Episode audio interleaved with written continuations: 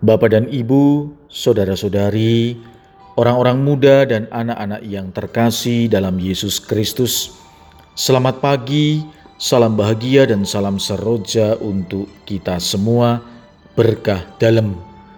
Bersama dengan saya Romo Antonius Garbito Pamboaji, menyampaikan salam dan berkat Allah yang Maha Kuasa dalam nama Bapa dan Putra dan Roh Kudus. Amin.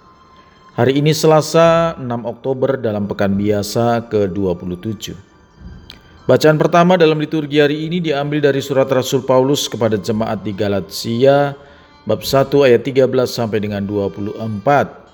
Bacaan Injil diambil dari Injil Lukas bab 10 ayat 38 sampai dengan 42. Ketika Yesus dan murid-muridnya dalam perjalanan, tibalah ia di sebuah desa Seorang perempuan yang bernama Marta menerima dia di rumahnya. Perempuan itu mempunyai seorang saudara yang bernama Maria. Maria ini duduk dekat kaki Tuhan dan terus mendengarkan perkataannya. Sedangkan Marta sibuk sekali melayani.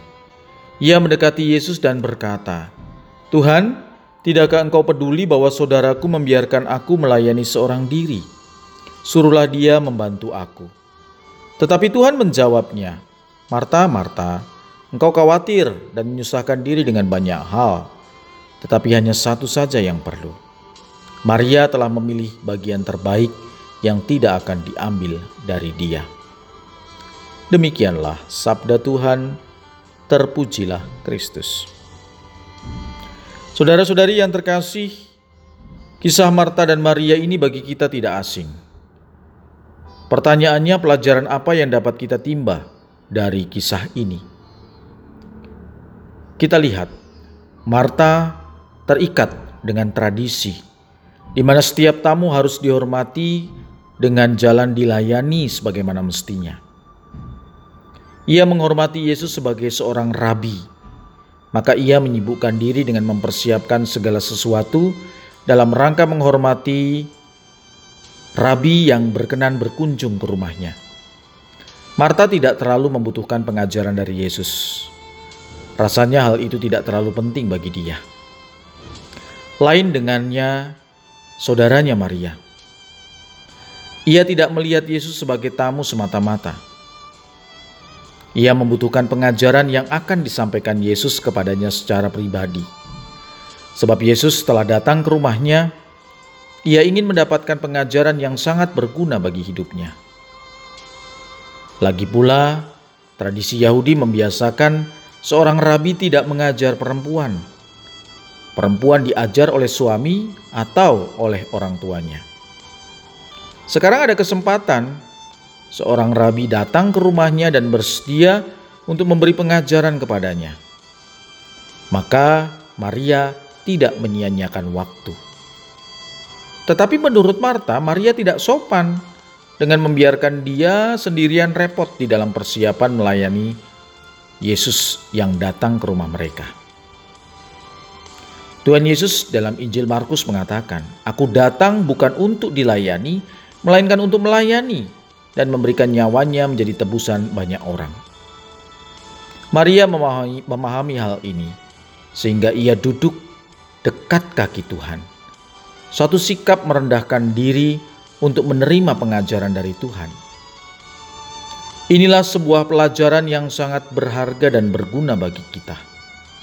Yesus datang ke dalam dunia, ke dalam hidup kita. Pertama-tama, Ia mau melayani kita. Ia wafat untuk kita, bangkit untuk kita, dan juga naik ke surga demi kita. Dia duduk di sebelah kanan Bapa untuk menjadi pembela bagi kita ia juga mengutus Roh Kudus untuk memimpin kita di sepanjang perjalanan hidup. Ia satu hari kelak akan datang menjemput kita, supaya di mana Ia ada, di situ pun kita berada.